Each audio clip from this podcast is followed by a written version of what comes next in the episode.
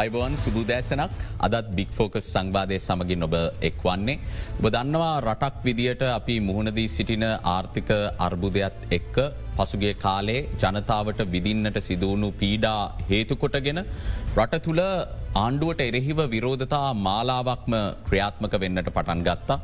විවිධ මට්ටම්බලින් ආරම්භ වෙලා ඒක ක්‍රමක්‍රමයෙන් වැඩිදියුණු වෙලා මේ වන විට විවිධ ස්වරූපවලින් දිවයින පුරාම මේ පවතින තත්ත්වයට එරෙහිව මේ අර්බුදයට එරෙහිව වගකිව යුත්තේ වර්තමාන ආණ්ඩුව බවට ප්‍රකාශ කරමින් පවතින විරෝධතා ගණනාවක් තියෙනවා. වර්තමාන ආණ්ඩුවට පමණක් නෙමේ මේ වස්සර හැත්ත ගණනක් තිස්සේ සිදුකරගෙන ගිය ක්‍රමය විවේචනය කරමින් තමන්ගේ අදහස්සේ විරෝධතා හරහා මතු කරන පාශවයනුත් අපි නිරීක්ෂණය කරනවා. කොහුණත් අවසානයේ අපිට දකින්නට තියෙන දේ තමයි රටේ ජනතාව මේ අර්බුදකාරී වාතාවරණය තුළ අපිට වෙනසක් අවශ්‍යයි යම් කිසි ආකාරයක වෙනස් මාර්ගයකට මේ රාජ්‍ය පාලනය තුළ ක්‍රමයක් තුළ අපි මේ වෙනස ඇතිකර ගතයුතුයි කියන මතය තුළ සිට කටයුතු කරන බවක් පෙනෙන්න්නට තියෙනවා.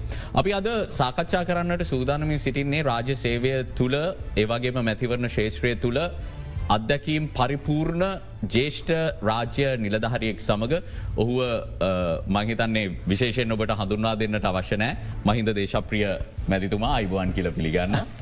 අයිබන්ගල් මැතිවරණ කොමිසමේ හිටපු සභහපත්තුමා ඒවගේ මේ වෙද්දී සීමා නිර්ණ කොමිෂන් සභාවේ සභාපතිවරයා ලෙස කටයුතු කරන. මුලින්ම දැන් දින දෙකට විතර කලින් උපන්දිනය තිබුණා සුභ පැතුම් ගොඩක් ලැබුණද සැමරුවද උපන්දිනේ.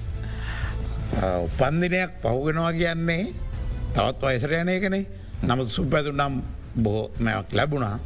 මං මේ පන්දිනේ තමයි දෙදස් එක්දසමසේ අනු නමෙන් පස්සේ අම්බලංගොඩ ගෙදරහිටපු එකම දවස්.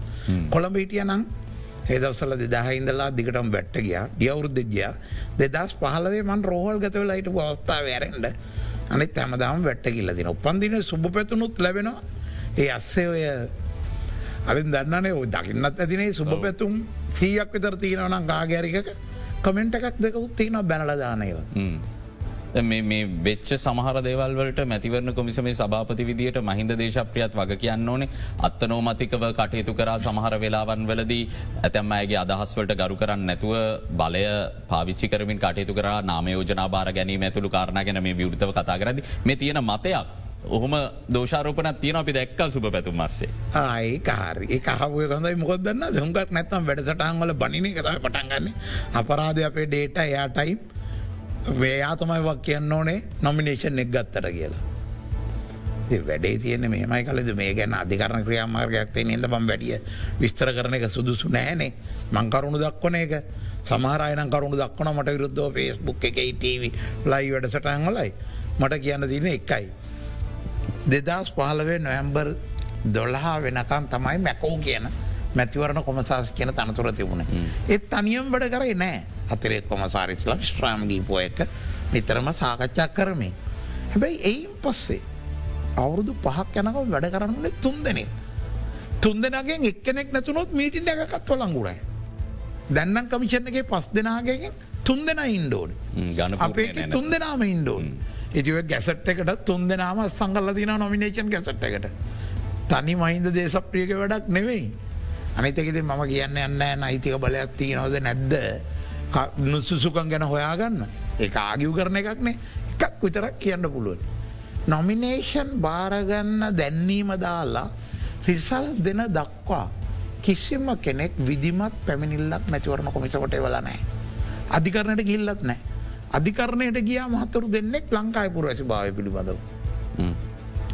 එක මහත්තෙක් මැයි මාසේ ලියමක් එවලසන මේ දිත්ත පුරවැසිය ඉල්ලන්න අදනවා දෙන්නෙක් ඒ දෙන්නට දෙන්න පාගේ. පස්සේ පෙළ එහින් එක්කෙනෙක් අයින් කරගෙන තිබුණ. අනිත් එක්කෙනගේ ප්‍රශ්න අපි හොල බලවය ප්‍රසිද්ධියම අනිත් එක්කෙනගේ. එක් ගැනත් ඔහුගෙන් ඇහුවම ඔහු ගෝස්තුමාසම පේස්බුක් කමෙන්ට එකක් දාලතුන අයමාත්මය මේක අයින් කරගෙන තියෙනවා කොහොමරි ක්‍රමයකින් කියලා. එතකොට පැමිණිල්ලපු එක් කෙනත් ඒමතේ ඉන්න කිසිම කෙනෙක් අර නිල කාලයේදී ඔය අද්ද කියන හැමෝම එක්ක පෝස් කාඩ් එකක් ලිකිතව නමෙන් එවල තිබුණනන් අපට අඩුම ගාන එකෙන් අහන්න දෙවුණ. එවන් නැතුව අපට හම්බායන්න බෑන කිසි දෙයක් ගැන. හොදයි ම මේ මාතෘකාවෙන් පිට ප්‍රශ් පිට ප්‍රශ්නයක්. ඒක නමුත් අහපු එක හොඳයි. මොකද හැමෝම ආනනේ කලින්දු මගේ මිතුරු ලැයිස්තුවේ ඉන්නවා. පේනවා මට කියන ඒවා. ඒ සීයක් එක සුභ පැතුමකට පෝස්ටේකට අනු නමයක් සුභපතනගමන් එකක් බරණ අතර මඒකට කිසි කනගාටුවක් නෑම්කොද හැමෝම ඉතන් ඉන්නේ මැකෝට පුළුවන් ඔලුවට වෙඩිතියන්නේ එක මිනිහටයි මේක කරන්න බැරිවුණේ නව කවරුදන්න තුන් දෙෙනයක ඉන්න කරන්න පුළුවන් යොත්තින බැරේවත්තිනවා කියලා. හොඳයි හොඳයි. බොහම ස්තුතියි අප දිග ගියා වැඩිද අපි අපි වර්තමානය ගැන කතා කරද්දි. විශේෂම ඇතිවෙච්ච ආර්ථිකාර්බුදය පසුකාලිනව මේ වෙදි දේශපාලන අස්ථාවරත්වයක් අර්බුදයක් දක්වා උඩුදුවල තියෙනවා. විශේෂෙන්ම මේ විරෝධතා මාලාවල සක්‍රියව දායක වෙලා ඉන්න පිරිස තරුණයන් වේවා ජනතාව. ඉල්ලනවා රට තුළ වෙනසක් සිදුවෙන්න්නට ඕනේ මේ තත්ත්වයට වග කියන්න ඕනේ පාලකින් ගෙදරයන්න ඕනේ. ඒ හරහා අලුත් බලාපොරොත්තුවක් ස්ථාවරත්වයක් රට තුළ ඇතිවෙන්න ඕන කියලා. ඔබතුමා කොමත දැන් අපි දැක ප්‍රචන්්ඩ කාල සීමාවක් තිබුණ අපි දැක් ඔබතුමා දැඩි ලෙස විරුද්ධව අදහස් පල කරන ප්‍රචන්්ඩත්වයට එරෙහිව සංසුන් වෙන්න කියලා රටේ තරුණයන්ගෙන් ඉල්ලනවා. මේ වෙද්දි මේ විරෝධතා මාලාවල මුහුණුවර මේක ක්‍රියාත්මක වෙන ආකාරය ඔබතුමා කොමද දකින්නේ. මේ අපි ගෝල් පේස කියන අරගල ඉතින්නේ ඒගොල්ලන් ඉල්ලිම තින්න ජනාධිපසිරක් ගෙදරයන්ඩු. සිිස්ටම් එක ඔක්කොම ගෙදරන සමාරයි දෙසිය විසි පහමයන්න ඕන. ඒවයි ගන්න පුළුවන් ඒවයින් බැලුවම්ම හැමෝම ඉල්ලන එකේ මූලි කාරය තමයි. සිිස්ටම් කේන් කියන වචනය. අපට වෙනසක් අවශ්‍යයි. ඒ වෙනසයි. අපි අන්තිම අඩියට යන්න කලින් අත්තර මැද්ද කරගන්න පුළුවන් ඒවා. තියෙනවා මම දකින එක ඔබ ප්‍රචන්්ඩත්වය කිපකාරි නිෂ්ප්‍රචන්්ඩත්වය වෙන්ඩෝනේ සම්පූර්ණාන කළේ හැබැයි එතන ප්‍රචන්්ඩත්වය ආපුවෙලාවේ නිරායාස ප්‍රචන්්ඩත්වය කියලක උත්වෙනවා ප්‍රති ප්‍රචන්්ඩත්වය පුයි ගෝල් පේසකට ගහපු වෙලාවේ ගොල්ලන්ට එතන්දි ගහගන්න එක. ආත්මාරක්ෂාව පිළිබඳව නිරායස ඒකත් ඇත්තරම ගාන්ධිතුමානන් කියන්න නැත්තන් ක්‍යාන්තිය බෞද්ධාගම කියන්නේ කන කැපුවත් නිකං ඉන්න මැරුව නෑ කියල ඉතන් ඒම නැතුවත මේ ප්‍රතිවාර එත හැබැ ඒ ඔබ්බට ගෙවල් ගෙනතියපු එක. මයිනී මරු කවුරුත් අනුමත කරන දේවල් නෙවේනේ ඒවන් නොවෙන්න මෝනය මම හිතන මේ නමවෙනි දට ඒ වෙනුවෙන් දැල්ලේ දැන්දීමක් එතන කරනවාගේ හැමෝටම මිය ගිය. මම මගේ පෝස්ටේ එකත්වය මුල්ලය ගෝවින්දන්ගේ සිට අමර කීර්ති අතුකෝරල දක්වා අපි සියලු දෙනම සමරන්ඩ ඕනේ. දේශපාලනෝ ජාතිකෝ වෙනත් ප්‍රකයා ඉතිවාසිකම් වනේ මිය ගිය. මේත් අරගලේ පැත්තිෙන් අනි පැත්තට බැලුවන මේ ඉල්ලීම් වලින් මොනාද පුළුවන් පුළුවන් ඒවා දෙන්න පුළුවන්ගේ. මොකද මේ තියෙන එක ආවේ මතුනේ මොකද සිිස්ටම එක එලියටාවේ ආර්ථික අර්බුදත් එක්ක ගෑස් පුපුරණයගෙන් පටන් අරන් ගෑස් කප්පාදු විදුලි කප්පෝද කියන්න අපේ ගමේ අපේ ගෙදට එක පර පැයි දහතුනක් කැපුණා. මම ලිව්වා දහතුනක් කැපෝට කමන්න තාම දහයට වැඩිය තියෙනවා කියලා. ගෑස් නැතුව තිබුණ. අය තියෙන එකත් දෙක්ක ඇවිල්ලා තරුණයන්ට මේ ක්‍රමය වෙනසක් සමහරයිතන ගෑස් ලබුණොත් පෙට්‍රල් ලැබුණොත් කෑමිල් අඩුනොත් ආයි හරිද න ඒක වෙනසන් නෙමේ මොකද දෙදායි වර්ෂයට පෙර සිට අපේ රටේ. හැත්ත අටේ මේ ආපු ව්‍යවස්ථාව සම්බන්ධයෙන් එවකට ඉටපු ජයාජයවතන මහත්මයි ආර් ප්‍රේමදස් මහත්මයි ඉටපු ජනාධිපතරු චන්දෙන් පත්තුව ඇරෙන්න. චන්දික බණ්ඩාරනායක මෙතනිය මහින්ද රාජපක්ෂ මැතිතුමා මෛත්‍රපාල සිරිසේන මැත්තුමා යන තිදෙනම මේ ක්‍රමය වෙනස් කරන්න ඕන කියපුය විදායක ජනාධිපති ක්‍රමය. නැති කරන්න ඕන කියන මට්ට මේ බලතල අඩු කිරීමට තරන වත්මන් ජනාධිපත්තුමත් එතුමත් විෂයකට කැමති කියල තිබුණනේ. ඒ මගේ කැමැත්තෙන් මේ එන්නේ කියලා. එතකොට ගැන එතුමත් ඒ ගැන යම්ම කැමැත්තක් දක්වන විශ්වගෙනල පරත ඒ හැමෝටම මේක ක්‍රමය වෙනසක් අවශ්‍යය ඒගවට ජනතාවට වොක් කියන ජනතා නියෝවිතය ඒවගේ ගොඩක් කරුණු තියෙනවා කොහොමද වග කියන්නේ පාර්ලිමේන්තුව ඇතුළ විතරත් අප හිතම ජනාධිපත්තුමාගේ බලතල අයින් කල්ලා කලින්දු අගමැත්තුමාට දෙන විදායක අගමැතිවරේ. මොකද වෙන්නේ? සිරිමා බණ්ඩාරණය මැතිනයට අර ජනාධිපති කමිෂන් ඇත්දල්ලා නඩුවාන වෙලාවේ එතුමීට තනියම්වක් කියන්න උනේ. කැපිනට් එක මෝවරදවර දතුව. විදායක අගමැති ජනාධිපතියයින් කළ. විදායක අගමැති කෙනෙක් වඩක් නෑ. කැබිනට් එකම් වක් කියන්න ඕනේ? පාර්ලිමේන්තුවට මුල්ල පාලනයයි නිදහසයි ඒ ඔබ්බට ජනතාවේ අදහස් ගන්න වැඩ පිළිවෙලක් හැම එකක් ගැනම. මමනම් පෙනන්නේ ජනතා සභාවගුත් ඕනේ. පාර්ලිමේන්තුවට අමතරව එකන විද්‍යතුන්ගේ තරුණයන්ගේ හැමෝගෙන් අදහ සරන්තමයි පලත් හද අපි අපි ඔබතුමා යෝජනා කරන මොඩලය ගැන තවදුරටත් සවිස්සරව කතා කරම එක තම අපේ අරමුණත් චේෂ්ට රාජසේවකයෙක් විදිට වගේම ප්‍රජාතන්ත්‍රවාදය විශ්වාස කරමින් හැමදාම අදහස් පල කරන කෙනෙක් විදිට. මේ වෙලාවේ බොහෝ දෙනෙක්ට ඔබතුමා කිවවාගේ වෙනසක් ඕනේ. එතකට මේ වෙනස ලබාගන්න ඔවුන් අපේක්ෂා කරන ක්‍රමවේද කිහිපයක් විශ්වාස කරන පිරිසක් එකට එකතු වෙලා තමයි මේ සටන ඉන්නේ. මේ වෙලාවේ බොහොම ඉක්මනින්ම වෙනසක් අවශ්‍යය සමහරු ඉන්න. සමහරු කියන අපි මේක ප්‍රතිසංස් කරනත් එක්ක හිමීට ඉස්සරහට යන්න පටන්ගම මේක ආරම්භයක් කරගම කියලා. තොර මේ වෙලාවේ. අපි ලෝකෙ විප්ලව වෙනවා දැකලා තියෙනවා ලෝකෙ පුනරුදයන් වෙනවා දැකලා තියෙනවා. ලංකාවට මේ වෙලාවේ විප්ලවයක්ද පුනරුද්ධයක්ද අවශ්‍ය වෙලාදී. විප්ලවය කියන එක ප්‍රචන්්ඩ විප්ලවයක්ද ක්‍රමය වෙනස් වන එකත්. සාමකාමී විප්ලවිකුත් එන්න පුළුවන්නේ. විප්ලවකාරී වෙනසක් තමයි අවශ්‍ය. හැබැයි එක ප්‍රචන්්ඩ එකක් නෙවෙයි. සාමකාමී ක්‍රියාමාර්ගය වෙනස් කරගන්න පුළුවන් පාර්ලිමේන්ත තුළින්ම පමණයි වත්නා ක්‍රමය උඩ. මෙහෙම තවදුරටත් සරලවමං ඇව දැන් අපි විසියෙක් වන විවස්ස සංශෝධනය ගැන කතා කරන නව ග්‍රාමාතවරෙක් පත් වෙලාඉන්න කැබිනට මණ්ඩලයක් තියෙන හිටපු ජනාධිපතිවරයා යටතේ මේ කියැන මේ ජනතා විසින් පත් කරගන්න ලද ගෝටාබේ රාජපක්ෂ ජනාධිපතිවරයා යටතේම තමයි මේ ආර්ථික යළි ගොඩ ගැනීමේ ක්‍රියාවලියත් ක්‍රියාත්මක වෙන්න. මේ ගැන අපි විවෘතව කතා කරද්දී දැඩි විරෝධයක් තියෙන පාර්ශවයක් ඉන්නවා. ඔවුන් කියනවා මේ ජනාධිපතිවරයා තියාගෙන විසියකන මේ මුණගෙනාවත් මෙතන වැඩක් වෙන්නේ නෑ. ඒ නිසා ඉස්සල්ලහු දුරේ නිල්ල අස්විය යුතුයි ඊට පස්ස අපි අනිදේවල් ගැන කතා කරම කියලා මොකක්ද ඔබේ මතය මේ ගැන. මත දෙකක් තියෙනවනේ. වහාම ජනාධිපත්තුවා මෙතනින් බහින්න ඕන කියල තමයි තරුණයෝගය. අනිත්තය ගැන්නේ මේ ක්‍රමේ ජනාධිපතුවා බැස්සොත් මොකද වෙන්නේ. පාර්ලිමෙන්තුවෙන් ජනාධිපතරය පත් කරගණ්ඩුව. අගමැත්තුවා වැඩබල ජනාධිපතුන එතවට බෑකිවොත් කතානායකවරය ඉන්න. ඒ තුන් දෙන දෙන්නම් පත් කල්ලා නැත්තම් පාර්ලිමෙන්තය වෙන කෙනෙක් දාන්න පුළුවන්. එක ක්‍රමයක් තමයි යෝජනා කරන්න ජනාධිපත්තුමාගේ හිල්ලා කතානායද ඉල්ලා පාර්ලිමේන්තට සුත්සු කෙනෙක් ගෙන කෞද සුත්සු කෙන එයත් තෝරගන්න කොම. ඒත් ගැටලුව තියනම් මම තරුණයන්ගේ අදහස සම්පූර්ණයෙන්ම නිෂේද කරන්න නෑ ඔොල්ලන්ගේ කරන්න බෑ කියලා. ගොල්ලන් ගෙල්ලීමේ සාධාරණ භාවයක් ඒගොල පෙන්න්නන කරමුල හැටි. හැබැයි වෙන්න මේකයි. මම දරන මතය මේ ඒ හැත්ත අටේ ඇතිකරපු ජනාධිපති ක්‍රමය. දා හතෙන් බලය අඩු කරා. දහ නමෙන් බලය අඩු කරා. දහ අටෙන් ශක්තිමත් කරා විස්සෙන් ශක්තිමත් කරා. අඩුම ගානේ දා හතයි දහ නමයයි අතර තිබිච්ච මට්ටමට ගිහිල් පුළුවන්නඟ එනුත් ඔබ්බට. යම් බලතල අඩු කිරීමකින් නොකර ජනාධිපතිවරයා මාරුකරොත් වෙන්නේ මකර මරපු වීරයා මකර වෙන එකයි. මේ තනතුරේ තියෙන බලය නිසා විශේෂෙන් විච්චෙන් පස්සේ දහටෙන් පස්සෙත්ති විච්ච බලය.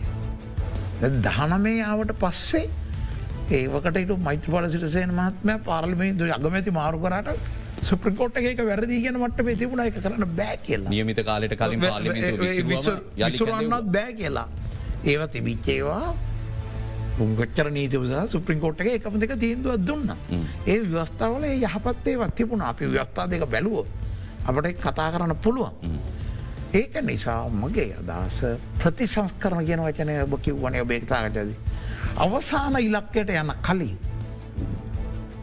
අතරමැදී කරුණු හරහාතමයි යන්ඩෝ. අපි මැච්චයක සීයක් ගහන්න යනවන එකක් ගාල දෙකක් ගාල එක එකන එකතු වෙන්නේ. එක පාට සීයව ගහන්න බෑනි දට ගල හැම්බොල්ට මයව ගලගාගෙන ගන්න බෑ එකේවත් ජනව තට්ටු කරනයවද නවා එල්ලගෙන ඉන්න නවද. දැන් මේකටයක් පටන්ගත්ත ගැම්මට පොඩි අමාරු කාලයක් ඒ තරුණන්ගේ පැත්තෙන් වුණ අරගල ඒ ගොල්ලන්ගේ පැත්තේ. නිසා අල්ලගෙන ගන්න පුළුවන් ප්‍රසන් මේක නිසා අරගලේල වෙච්ච නිසා වාස කැබිනට්ක දෙපාරම් මාරු කරම්. ලංකාවේ ප්‍රතාපවත්ම ජනප්‍රියම දේශපාලන චරිතයක් වෙච්ච මහින්ද රාජපක්ෂ මහත්මයට අගමැති දුරෙන් ඉල්ල අස්වෙන්න සිද්ධ සිද්ධවන කැබිනට් එක පරණ කැබිනට් මිනිස්ටර්ස් ලගෙන් පලපුරුදු නම්දරූ කැබිනට් මිනිස්ටර්ස් ලගෙන් දෙන්නයි නැත්තං හත් දහයකට අඩු සංඛ්‍යාවක් එන්නේ. හැමදාම කැබිනට ඇමතිවරු වෙන්න කියලා හිතන් හිටපුුවයි. තාම තරුණ කැබිනට ඇමතිවරුත් ඇවිල තියෙනවා. ඒකම වෙනස. යනු අරගලය මේ වන විට ජයග්‍රහණ ගණනාවක් අත්පත් කරගෙන තියෙන. උ නැත්තම් මෙතන කතා කරන්න ෑන මේක.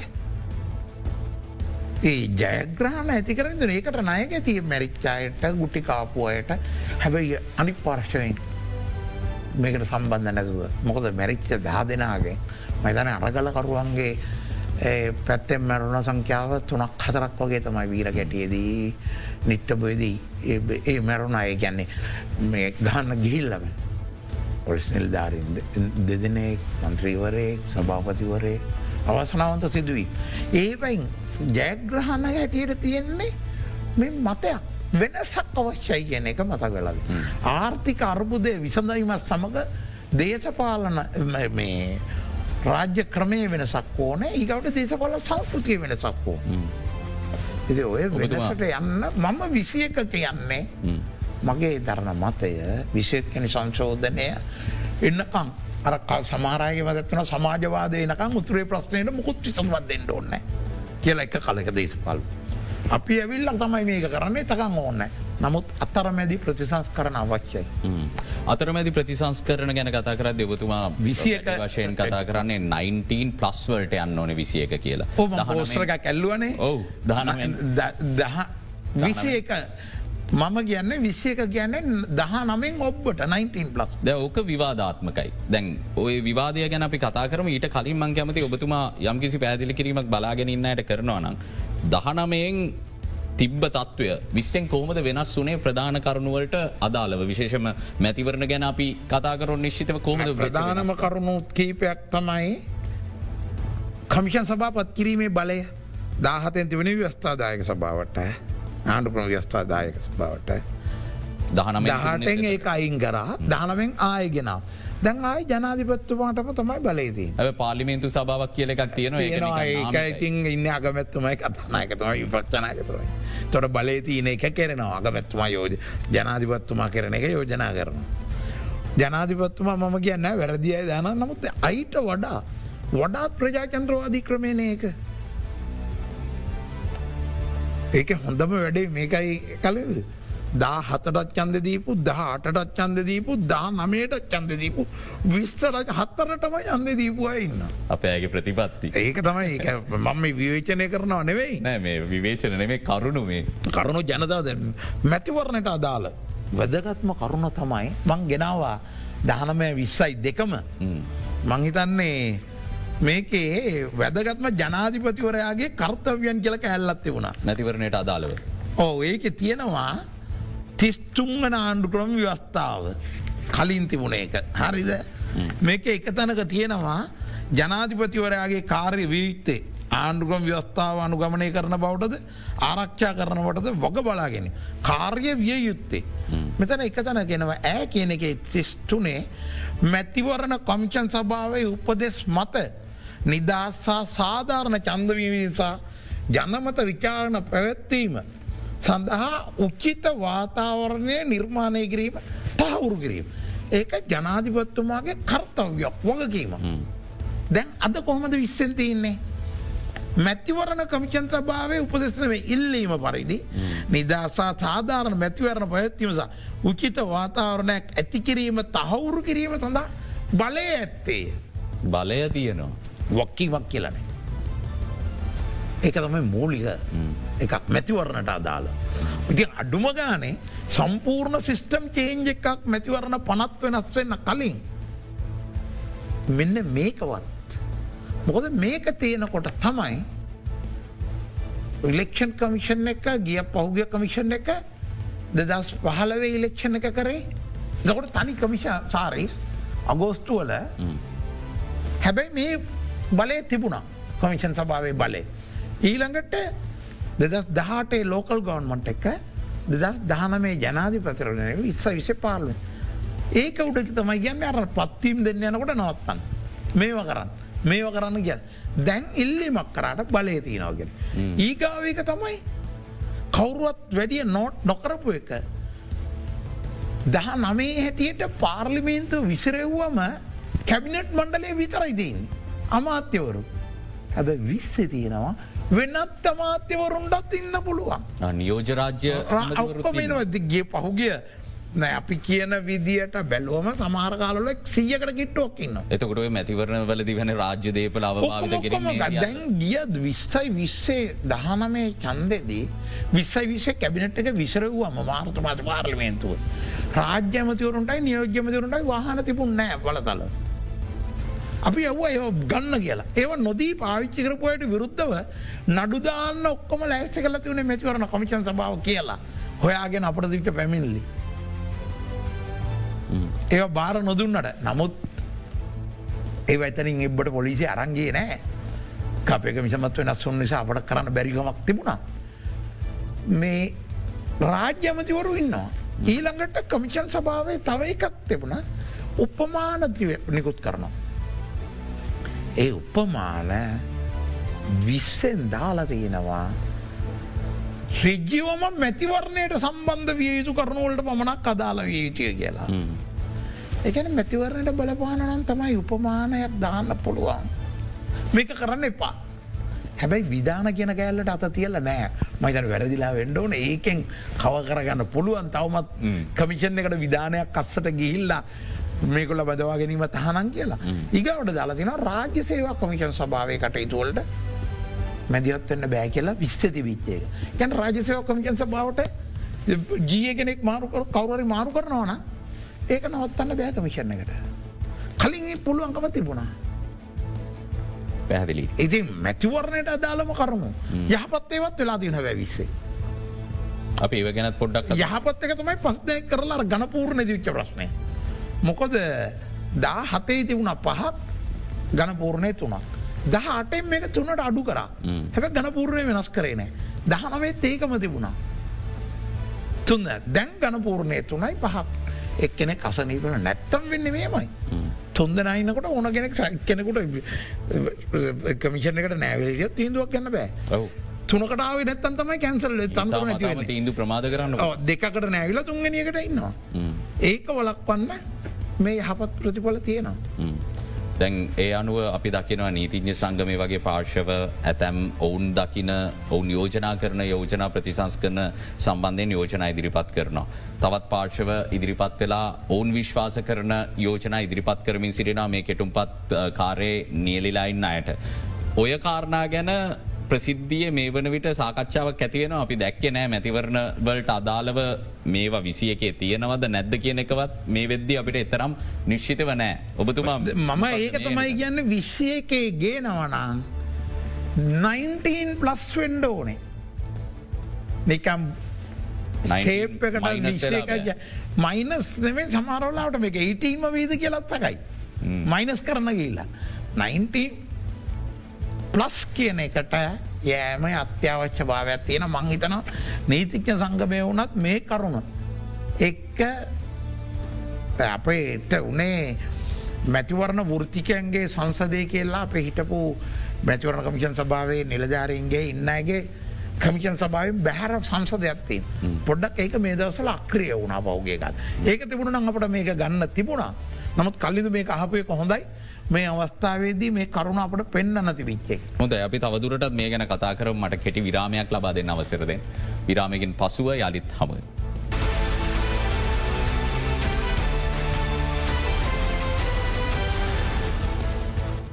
සීමා නිර්ණ කොමිෂන් සභාවේ සභාපති මහින්ද දේශප්‍රිය මහත්මයත් එක් අපි සාකච්ඡා කරමින් සිරින්නේ.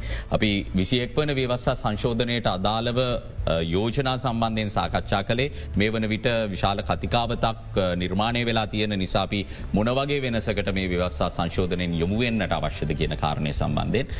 දැන් අපි දකින තවකාරණයක් තමයි ඔබතුමත් දිරීක්ෂණය කරන්න ඇති මේ වෙලාවේ මේ සම්බන්ධයෙන් මත ගණනාවක් තියෙනවා. දැන් ශ්‍රී ලංකා පොදුජාන පෙරමුණ ප්‍රමුඛ පාර්ශවය එක මතයක් දරනවා විසි එකෙන් විය යුත්තේ මෙහෙම දෙයක් කියලා. සමගි ජන බලවයගේ ප්‍රමුඛ පාර්ශවය තවමතයක් දරනවා විදායක ජනාධිපති දුරය අහෝසි වෙන මට්ටමකට මේක යායුතුයි කියලා.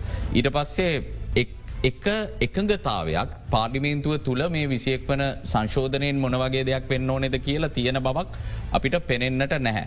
තුට මේක සම්මත කරගන්න ගියාටත් පස්සෙත් වර්තමාන පාලිමේන්තුවේ සංයුතිය ගත්තර පස්සේ හැමෝම එකක මතවල සිට කටයුතු කරොත් මේක අන්තිමට අර දියාරුලිය විල්ලක් බවට පත්වීමෙත් සම්භාවිතාවයක් තියනවා. තුට මේ වෙලාවේ සිවිල් සමාජයට මොන වගේ බලපෑමක්ද කරන්න පුළුවන් අපි හරියාකාර එකගතාවකට ඇවිල සිවිල් සමාජය හෝ මෙන්න මේ දේ අපිට කල්ල දෙන්න කියලා පාර්ලිමේන්තුවෙන් ඉල්ලද්දි. මූල්ලිගම කරුණ තමයි අපේ පාර්ලිමේන්තුවේ සහ දේශපාලන පක්ෂ නායකයන් මේ වෙනසක් අවශ්‍ය කියන ජනමතයට කන් දෙනවාද කියන එක තියෙන ගැටලුව. ආපහු 19 ප්ලස් කියන එක මේ හැමෝම ඉල්ලන්නේ ජනාධිපති දුරයේ තියෙන. ඇත්තට මයි පෝර ප්‍රශ්ෙන්නේ. තනින්ම තීන්දු ගන්නවද කියන එක. සමල්ලාට දීපු උපදේශකයවුන්ගේ වැරදිී යනවවෙන්න පුළුවනි ජනාධිපත්තුමගේ පෙටිං. ඒ කොහම නමුත් වක් කියන්න වෙන්නේ ජනාධිපතිරට අර විදායක අගමැති ශ්‍රීමා බණ්ඩර්නායක මතිනයට වක් කියන්න වනාවගේ. ඒක තමයි බලය බෙදෑරල කණ්ඩායම එකෙක් වක් කියන්නවෙන්. මැච්චක පරවදුනට ක්‍රිකටීම එක කැප්ටන්ට විතර කවරුත් බනින්න ටීම් එකට නමුත් අද වෙන්න මොකල් මේ තනි බලය කේන්ද්‍ර වෙලා තියෙන් නිසා. ඒක වෙනස් කර ගැනීමට අවශ්‍යයි කියන එක. බලත්කාරෙන්න්නේ දේශපාලන පක්ෂ එක සාකච්ඡා කරන්න. අපි ගෝල් පේස් එක ඉදන් හරි මෙතන්ට අයිල මම කිව්වට හරි ඉලෙක්කන් කමිෂන් එක තව තැනක් කිව්වා හරි බාය සෝචේෂණ එක වෙනදරග මේ හැම හැම කණ්ඩායම් එක්කම හැබැ පහුගිය කාලේ මයින්ද රාජපක්ෂ හිටපු ජනාධිපත්තුම හිටපු අගමැත්තුම ඉල්ලාස්ටීමට පෙර අප්‍රේල් ළමය අප්‍රේල් එක සිට මැයි නමේ තෙක් කාලය තුළ රටේ සාකච්ඡා මාලාවක් ගිය සෝම්බොලින් දැන් මමත් දහයකට පහලකොට ඉතරයි කණ්ඩායම එක සාකච්ඡා කල තින වගේ අපේ සහෝදරය. මේ වසන්ත දෙසප්‍රිය හිට ලේකම්වරෙක්න ඔහුත් ඔහු. සාකච්ඡ අමත්‍යංච ලේකම්වරේ ඔහු විසි හයකට සහභාග වෙලා තින යගසාක ඒ කණ්ඩායම් එක්. ලොකු උනන්දුවක් රටේ තිබුණා. ප්‍රතිශස් කරන දැන් ඒක සම්පූර්යම විසි එක හරහා විජේදා සරජපක්ෂ මාත්‍යවරය දාපු විශය කරා හැමෝම් බලාපොරොත්තු වෙනවා. ඒ ඔක්කොම දේවල් කෙසේ වෙත ක්‍රියාත්මක වේ කල්ල ක්‍රියාත් හැබැයි ඔබ ඇහුවනේද සමහරු කියනව කියලා සම්පූර්ණ විදායකන. ඒක ජනමත විචාරණයක් ඕනම් වෙනවා කියලා තමයි මේට පෙරත් දහ නමේ ගේන වෙලාවෙත් ආවේ. මේක මෙතන ප්‍රශ්නය මේ ව්‍යවස්ථාවේ තියෙනවනේ හත්තර ජනරජයේ පරමාධිපත්‍ය ජනතාව කරේ පීට ඇත්තේ කියලා ඒකත් අර්ථ දක්වන පාලන දලතවල තැල මූලික අයිතිවාසිකම්සා චන්ද බල. පාලන බලතලවල් කියන විදායක බලය. රටේ ආරක්ෂාවද ඇතුළුව ජනතාවගේ විදායක බලය ජනතාවගේ චන්දයෙන් පත්තු ජනාධිපතිවරයා විසින් ක්‍රියාත්මක් කළ අපි හරිට වාක්‍යම වගන්ති ව්‍යස්ථාවම කියවල බැලුවෝ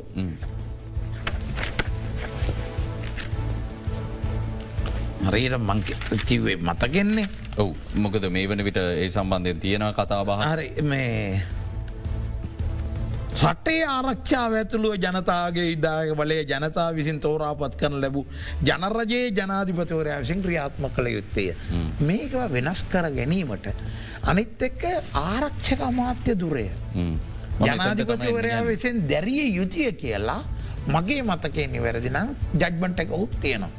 මොද චන්ද්‍රගා මැතිනයගෙන් එක අයින් කරන්න පුළුවන්ද බැරිද කියෙන ආගිමට ආපු වෙලාවේ. ද මේ වෙලාවේ විශේෂම නීතිඥ සංගම ඇතුළු පාර්ශව කරපු ඉල්ලීමක් තමයි මේ මූලික කෙටුම් පතේ ආචාර විජේදාස රාජපක්ෂ මහත්මය ඉදිරිපත් කරපු ජනාධිපතිවරයාට අමාත්‍ය දුර දැරීමේ බාධාව යොදල තිබුණේ නෑ ඔහුට අමාත්‍ය දුර දැරීමේ හැකියාව තිබුණ. ඒ අනුව නීතිජ සංගම ඉල්ලිමක් කර ජනාධිපතිවරයාට අමාත්‍ය දුර දැරීම සඳහා තියෙන අවස්ථාව නැති කරන්න කියලා දහනමයට රියලිත් විසියෙක් වන සංශෝධන ක්‍රියාත්ම කරද්දි. දැ මේ ආරක්ෂක ඇමති දුරේ සම්බන්ධය නොවන් දරන සාවරය සම්බන්ධයෙන් නිල වශයෙන් අපිට කියන්න හැකියාවක් නැහැ. නමුත් අපි සමස්යක් විදිර කතාකරුත් ජනාධිපතිවරයාට ඇමති දුර දරන්නට බැහැ කියන එකට. ඔබතුමා කොහොමද ප්‍රතිචාර. ඕකට උත්තරයක් ඇටියට දරන්න පුළුවන් කියනය කියන්නේ අර අමාත්‍ය මණ්ඩලය ඉල්ල අස්වෙච්ච වෙලාවේ. අගමැත්තුමා නැතුව අනිත්තය අස්වෙච්ච වෙලාවේ අමතවරු පස් දෙනගෙන් විතර දවන එතකොට මොකද වෙන්නේ පත් කරනගන්න. ඒ වෙන විශේෂ තත්ත්වයක් යටතේදී ක්‍රියාත්ම කරන එක වෙනයි. නැත්නම් මම දරන මතය ආරක්ෂක අමාත්‍යංශය ඇරෙන්ඩ වෙනත් අමාත්‍ය දුර. මොකද මේ පනති තියෙන් නිසා. මගේ පෞද්ගලික මතය නම් ආපහු යන්න පුළුවන් නං විලියම් ගොපොල්ල මහත්මට බලය තිවිච්ච ජනාධිපති දුරයකට ඉන්දියාව ජනාධිපති දුරේ වගේ. හැබැයි අගමතිවරයාට එහෙම එකාධිපති විදායක බලයක් නැතිව. සම්පූර්ණ ජනතාව චන්දෙන් අපපු සියලු දෙනාවතර වක්කීමට යටත් වන ක්‍රමයක්කාවෝ. මිසක් අවචනයික. ඒක නිසා දැනට තියන එකේ. බලතල අඩු කරන ජනාධිපති ක්‍රමය යටතේ වුණත් කවර හෝ ජනාධිපතිවරෙක්කාව ආරක්ෂක මාත්‍යංචේ දැනට දරන්න වෙනවා ජනමත විචාරණයකින් මේක වෙනස් කරනතා කල්. අග්‍රාමාත්‍යවරයාගේ උපදෙස් පරිදි ජනාධිපතිවරයා විසින් අමාත්‍ය මණ්ඩලය පත් කිරීම කියන කාරණය ගැන ඔබ දරන්න මතින්. උපදෙස්වලට වඩා හොඳ නැද සාකච්ඡා කරයි කියලවද. අපි නිතරම බලන්නේ තමන්ගේ බලය කෙනෙක් තියාගන්නන්නේ. ජනාධිපතිවරයා සහ අග්‍රාත්මතයගේ එකගතාවෙන් කිව්වොත්. ඒක වඩා හොඳයි. එකතාවයක් නැතිවුණු හැමතිස්සම අපේ රටේ වෙන වගේ. එතකොට අපි කියන මේ මේ ඇමතිකමට ම මේ පුද්ගලය යෝජනා කරන අගමැතිතුම එක්කෙනෙක් කියන ජනධිපතුම එක්කෙනෙක් කියන හැබැයි අමාත්‍යවරු දාන්න වෙන්නේ පාර්ලිමේන්තය වැඩි බලය උඩනේ ආණ්ඩු පක්ෂය උඩනේ. එතකොට ග්‍රාත්මත්වරයානම් පාර්ලිමේන්තිව වැඩි බලය තියන්නේ. හැබැයිති මෙහෙම නෙවේ පාර්ලිමේන්තුවේ වැඩි බලය තියෙන කෙනාවෙන්ට ඕන. දැන් අදරට දීන විකෘතියක්නේ තනි බලයක් නෙතින්නේ විකෘතිය නැති අවස්ථාවක නම් මොකද මේ අවස්ථාවේ රට ආරතිකරපු දැත්තක මොක්කර විසතුම පැහැදිලි මේ විදිරම තිබුණන දෙදස් පාලයත්. තොට බලයක් නැතුව.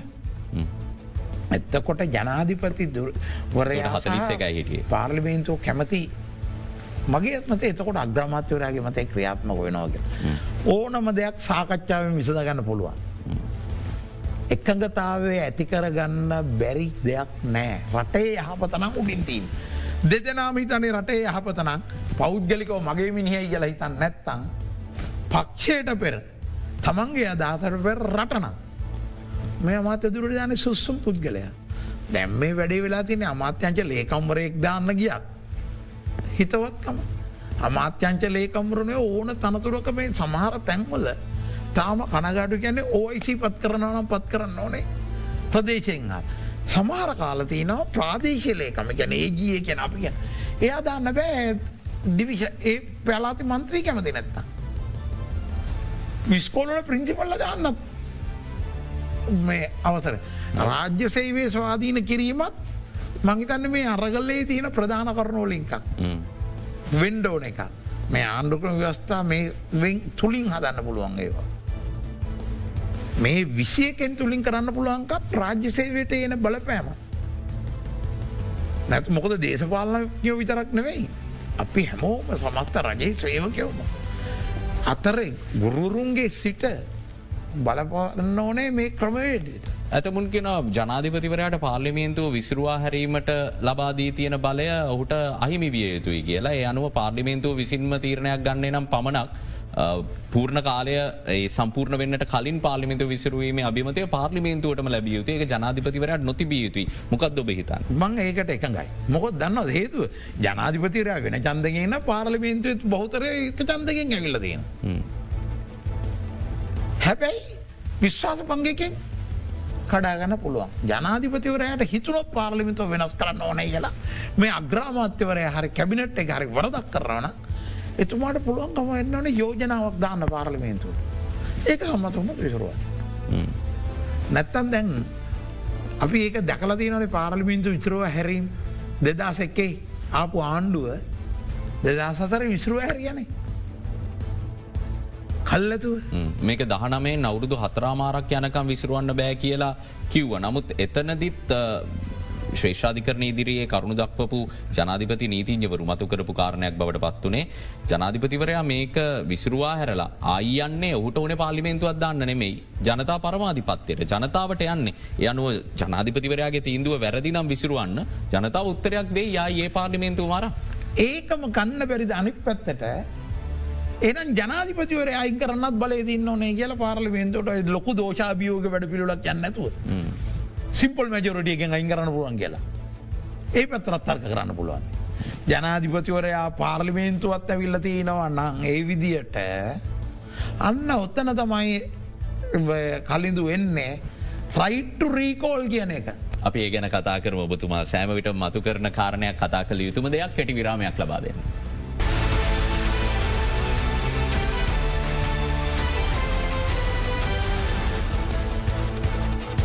සීම නිර්ණ කොමිෂන් සභාවේ සභාපති මහින්ද දේශප්‍රිය මහතා සමගින් අපි සාකච්ඡා කරමින් සිරින් දැන් අපි විරාමයට කලින් යම් කිසියාකරයකට මේ සාකච්ඡාවේ හිටියේ පාර්ලිමේන්තුව විසරුවීමේ බලය ජනාධිපතිවරයාට ලැබෙනවා නම් එහන ජනාධිපතිවරයා ඉවත් කිරීම බලයත් පාර්ලිමේන්තුවට මීට වඩා සරල ක්‍රියාදාමයකට අනුව ලැබෙන් ඕනි කියල්.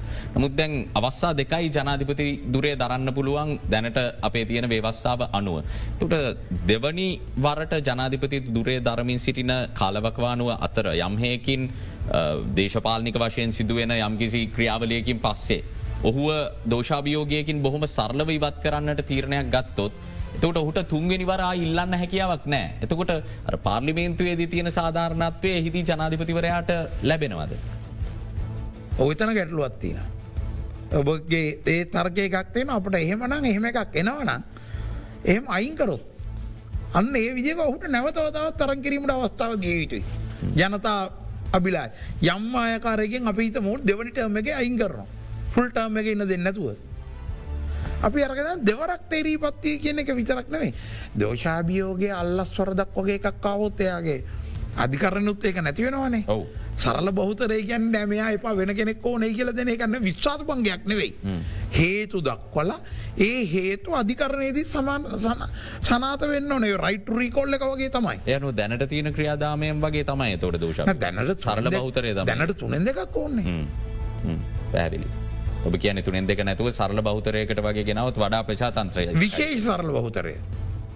අපේ පාර්ලිමේ රැස්සිම්මල තියෙනනේ බහුතර හතරක් සරල බහුතරය කියන්නේ ඉන්න ගානෙන් බහුතරය. විශේෂ සරල බෞතරය කියන්නේ ඉන්න සාමාජිකයවුන්ගෙන් භාගයක්කට වැඩි. අපි රයිට රීකෝල් ගැන කතා කරම විශේෂෙන්ම ඔබතුමා බොහෝ තැන්වල සමාජ මාධ්‍ය තුළත් මේ සම්බන්ධයෙන් ජනතාව එක සාකච්ඡාවක් ඇතිකරනවන් දැකල තියෙන. කොහොමද ක්‍රියාත්මක වෙන්නේ රයිට රීකෝල් කියල එකේදි කොහොමද ජනතාවගෙන් බහුතරයක් කේමතය ඉන්නවා කියන එක අපි හොයාගන්න. බෞතරයක් ඕන්න කියලා එක කියන්නේ. රයිට්ටු රීකෝල් එක මම දරණ මතය. රෙජිස්ටර් වෝටස් ලගේ වන්තට අපිතම ලෝකල් ගවන්මට එක කියල අපේ. අපේ කොට්ටාසේක රෙජිස්ටර්් වෝටස් ලගේ වන්තඩ් කියනා මෙයා කරනා මෙන්න මේ වැරදි. ඒ වැරදි තියෙන්න්න පුළන් අල්ලස් වරද. මම වෙන වැරදි කියන්න යන්න මේ සමාර දේශපාල්ලක් දූෂණවරදක් අපරාධමය වරදක් නැත්තං කෙරන ඒවයින් පොරොන්දුවක් නොකර ඉන්න ඕන වැඩ කරන්නේ නැත්තං රච්චිමුල එකොල්ල දෙනවා මෙයා එයා දීපු පොරොන්දු ප්‍රතිපත්තිවලට සම්පූරෙන් විරුද්ධ වැඩ පිළි ලක් කරනවන මෙයා අපහු මේකෙන් අයින් කරන්න. එතකොට ඒ දාපු චෝදනා. හරද කියල බල්ල තව ට්‍රබිනොල්ල එකකෝකෙන් බලන විනිශේ සභාවක් සභාවකි නැතුව මේ ජනතාව කිවට වගෙනවේ සමාර්ගයන සයට පණහක් ඕනේ කියලා මන්ද කල තින සමාරුගෙන රයිට රීකෝල් එකට සයට පහක් ඇතිය කියලත්පන් කරු. සාධාරණ ගාන ප්‍රමාණයක් වෙන්ඩුවනේ. මේක ජනාධිපතිවරයාගේ සිට ප්‍රාදේශය සභා මන්ත්‍රීවරයා දක්වා සභිකයා දක්වාම මේ ක්‍රියාවලිය වලංගු විය යුතුයි. වලංගු විය යුතුයි. ඒක හැබැයි ජනාධිපතිවරයාට පාර්ලිමේන්තුරට සහ පලත්සභාතියනම් පහසුම එක වෙන්න ඕන ලෝකල් ගවන්මට. අරක ටිකින් ටික ඉටට වැඩි ප්‍රමාණයකට යන්න පුළුවන්. ටපසර විනිශ්්‍ය සභාවෙන් කරලා. ඒත්තනින් තමයි තීරණය කරන්නේ එය අයින් කරනක ඔන්න සමාර්ර තැන්වල තියෙන ඒ මාම යට එතට සුප් යා ජනතිකට ඇපිල් කරනත් පුළ ඉහලද. හැබැයි ඒ ඇපිල් කිරීමේදී ඉතා කෙටි කාලයක තුළදී විසුදු දෙන්නොත් දැ බැලුවම ගීතක් මරසිංහ මැතිනයගේ නඩුව අවුරුද් දෙයක් අහන්න වනානේ. ඒ විදිඒවා මාස තුනෙන් අහලා තියෙනව නොනේ.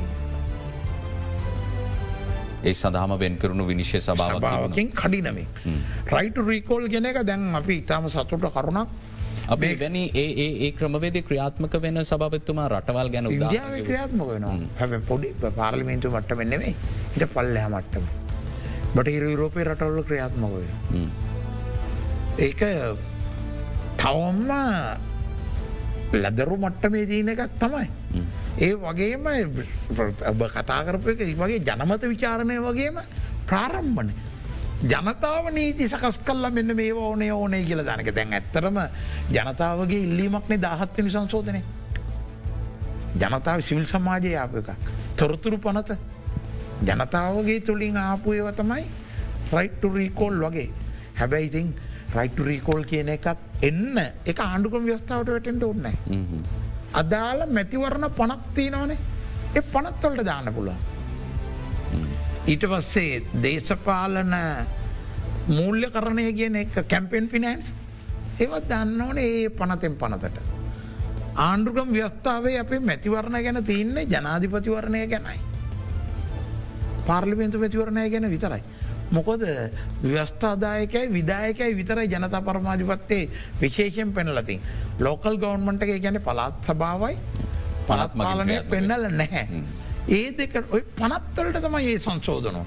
ද සමාර්ගයනාම විසිය එක ගන්නකොට ඒවත් වෙනස්සෙන් ඕන එක. ඒවා පාර්ලිමේන්තු තේරීංකාරක සභාවාරා.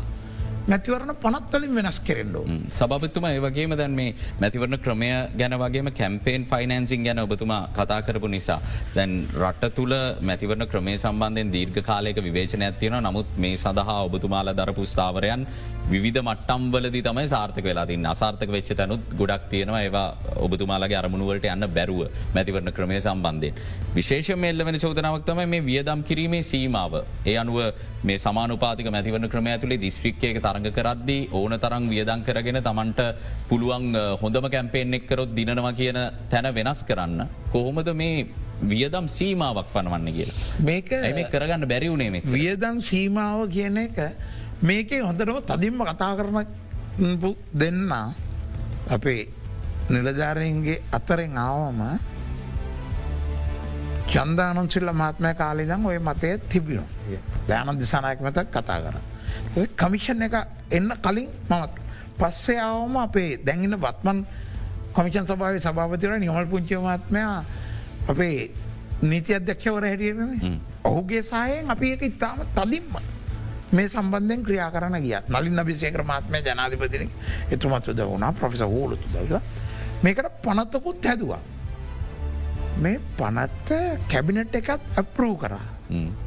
ඇපරූ කල්ලා ඊට පස්සේ කැබිනට සබ්කමිටියකට දැම්මම විස්සයි විස්සේ මුල සාකච්ඡා කරනකොට එතන හිටපු අමාත්‍යවරු. දැනුත් එතුම මාත්‍යයන තුම මහිතන්න ඔය කියන මාත්‍යවරයක මන ගැන දීර්ඝ කලක් මාත්‍යවරය කන සුළු කාලක. ඒ එතන කැබිනට් එකේදී ඒක කැමති වුණේ නෑ.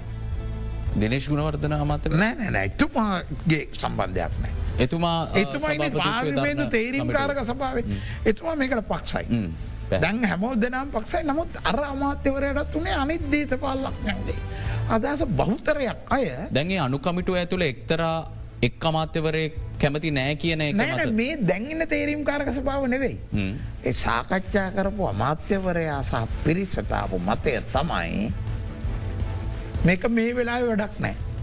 අපි පස්සේ ස්ථාවර ආණ්ඩුව කවම කර මෝද දානමය විස්සයි අතරේ තිබුණන ආණ්ඩුවක් එනක ඒ ආවි නැත්තම් කැම්පෙන් පිනෑස් නීතිය අනුමත කරගන්ඩ සාකච්ඡාරකපය දෙදස් දාසයි මත් නිමල් පුංචේ මාත්මත්මයි සභාග වුණේ ඒක සාකච්ඡාවට.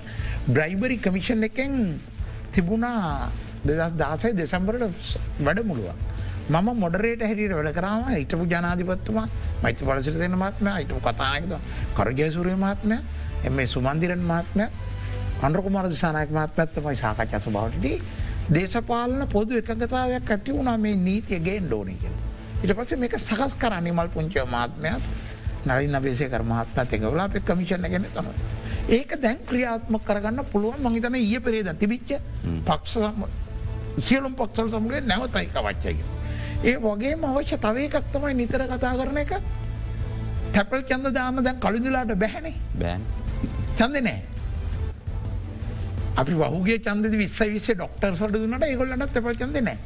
තියටනස් කෙනෙකොටවත් නෑ. එයා පෝට්ටක ඉන්නයටත් නෑ. අපේ නාට්ටාමි සහෝදරෝටත් නෑ.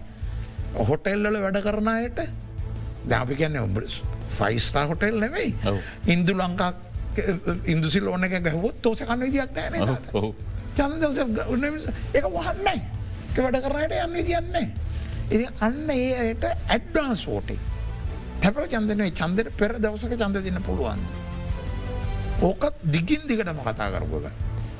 ඒකත් කර හැබැයි මේව ක්‍රියාත්මගෙන කොච්චර කල් යනාද කලින්.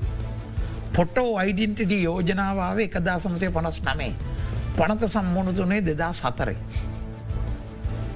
ක්‍රියාත්මකුණේ පැපරල්ලක නඩුව දෙමට පස දෙත සයි. ඉතින් අනිත් එක අපි බැලුවොත් මේ දෙදා සතලි සටේන ඉතින් දැන් කියන්නේ. එදා වෙනකොටවත් අපි ඊට කලින් හරිකරොත් අපේ ළමයින්ගේ ළමයින්ට ඒගොල්ල වැඩිහිටියෝ වෙනකොට එහම බැලුවත් සබත්තුව මේ තරුණයන් තුළ තියෙන අපේ කතා කරන සම්ප්‍රදායක ප්‍රතිසංස් කරන ගැන තියෙන විශ්වාසය බිඳ වැටීම අතිශය සාධාරණයි. සාධාරණයි නන්නම්. මොකද අපි ස්කෝල යනකොටත් සංවර්ධන වෙන රටක් තවමත් සංවර්ධනය වෙන රටක් කියලන කියන්නයි කොල්ල. ඉති ඔය ප්‍රශ්නය සාධන ඉති තරුණයොන්ට අපි තරුණ නියෝජනය දුන්නනේ අසුවට අසුනමයකින් පස්සේ ඒ තරුණ නියෝජනය තියෙන එකත් අයින් කරා දෙදස් තුලයි පනතේ. ශැල් කියන එක මේ කර තරුණ ඇතිල් කරයි. එහෙම හැබැයි ආපු තරුණයෝ අවුරුදු හැට වෙනකං ඉන්නවන. මගේ ඒක යෝජනත්තමයි තරුණය තරුණය කන මේ වයස් සීමාවත්දම්. වයස් සීමාව නෙවේ එකක් එන්නවා. තේ පත්තියගේ ටෑම් සංඛ්‍යාව පාලිමෙන්ටේලට හතරකටවත් ෆුල්ටම් සමල්ලට සමර්ගය තුනයි කියලා. ඒකට වයස් සීමාවකුත්. දැ කමිෂන්වලටත් වයස්සීමාවත් තිබුණ නෑ පෞගගේ රජය පස්සේ අන්තිමේදී ඔක් කතා කරලා අසුවවෙදි නැවැත්තුව. මගේ අදහස අසුව නංවට වෙනකං බුදු හාමුදුරුව හිටියත් කලින්දුවල් සුවනේ නැසෙ පිරිනම් බෑවනේ. අපි කාලේ ඉන්න බුදුරජාණන් වහන්සේ අනිත් සමහර බුදුරජන් වන්සලා අබුදු දාය මිටිය කියල කියනවා. ඒක නිසා එකන ඔබතුමාට තව දශකයකට නන මම මම මේ දැනටමත් මට ඇති කියලා හිතන මට්ටමේ. හැබැයි සමාරය කියලසුන මට අවුරුදු හැත්තෑ ඔත් පනල ම මේක ඉන්නවයි කියලා. වයස කියද ඇත්තර මම පනස් පහිනේ හැට හතක් කිවරයි හැටහත් ඔය බැහුවේද රජයේ සේවකෙන්ටත් කොන්ත්‍රාත් පදනවයටතේ අවුරුදු හැටෙන් ගෙදර යන කෙනෙකුට හැට හත වෙනකම් ඉන්න නීතියෙන් අවසරය තිබුණ. දැන් හැට පහ කරලාන. ඉතින් ඒක හින්දා තව. දැන් සුප්‍රිංකෝඩ් ජච්චනය හැට පයිම් පෙන්ෂන් ගියන යට තබෝ කමිචන්නල ඉන්න පුළුවන්. මට තවරුද්දක් විතරවගේ මගේ වැඩි කලක් බලාපොරොත්තුවක් නෑ හොඳයි. දැන් ඉන්න එක කරමින් මගේ අදහස තරුණයෝ ඉල්ලනදේ තරුණයන්ගේ නියෝජනය කාන්තා නියෝජනය ඒ වගේ දේවල්. ඒ ඒ පාර්ලිමේන්තු මැතිවරණ පනත්වල තියෙන සංශෝධනත් තේරීම් කාරකස බව සරා මං හිතනවා මේ දිනේශ් ගුණදර මහත්මයගේ ප්‍රධානත්වෙන් තින අමාත්‍යවරය කමිටුව ඒක කඩිනමින් ඒ වැඩ ටික ඕව ඉටු කරයි කියලා කාන්තා නියෝජනට එතුමන්ල කැමති. අපට කාල වෙලා හරස් වෙන නිසා සාකච්ඡාවාදර අවසන් කරන්න සිදුවන බෙහිවින්ම සූතියන්තය නොබතුමට අපේ ආරාධනාව පිළිගත්තාට මහිත නිතාම වැදගත්. මේ ව්‍යවස්ස සංශෝධනයක් ගැන සාකච්ඡාවක් නිර්මාණය වෙලා තියෙද්දී ඒ ඒ තමන් විශේෂඥ භාවය ධර්ණ ශේෂත්‍රයට අදාළව යෝජනා ඉදිරිපත් කිරීම ඉතාම වැදගත්. නැත්නම් මෙවැනි අවස්ථා අපිට මගෑරී යනවා. මේ ධනාත්මක ප්‍රතිසංස් කරන සඳහා බලකිරීමට තියෙන හැකියාව මගැහැරී යන නිසා බෙහිවින්ම සූතිවන්තය නමං විශ්වාස කරනවා අලිතුමට මිනිත්තු භාගයක් එකක් තියෙන. මේ ව්‍යවස්ථාව තියන මැතිවරණ ක්‍රමය පාර්ලිමිත මැතිවරණ ක්‍රමය. මේ මනාප සහිත ක්‍රමය. මේක මිශ්්‍ර සමානුපාතයට වෙනස් කර වීමත් කඩිනමින් වෙන්න ඕන වැඩ. හොදයි ඔබතුමාට බෙහිවින්ම සූතියි අදට අපි වික්වෝක සංවාධීන් සමුගෙන යනවා හැටත් හමුවමු සුපුරුදු වෙලාවට සුපදින.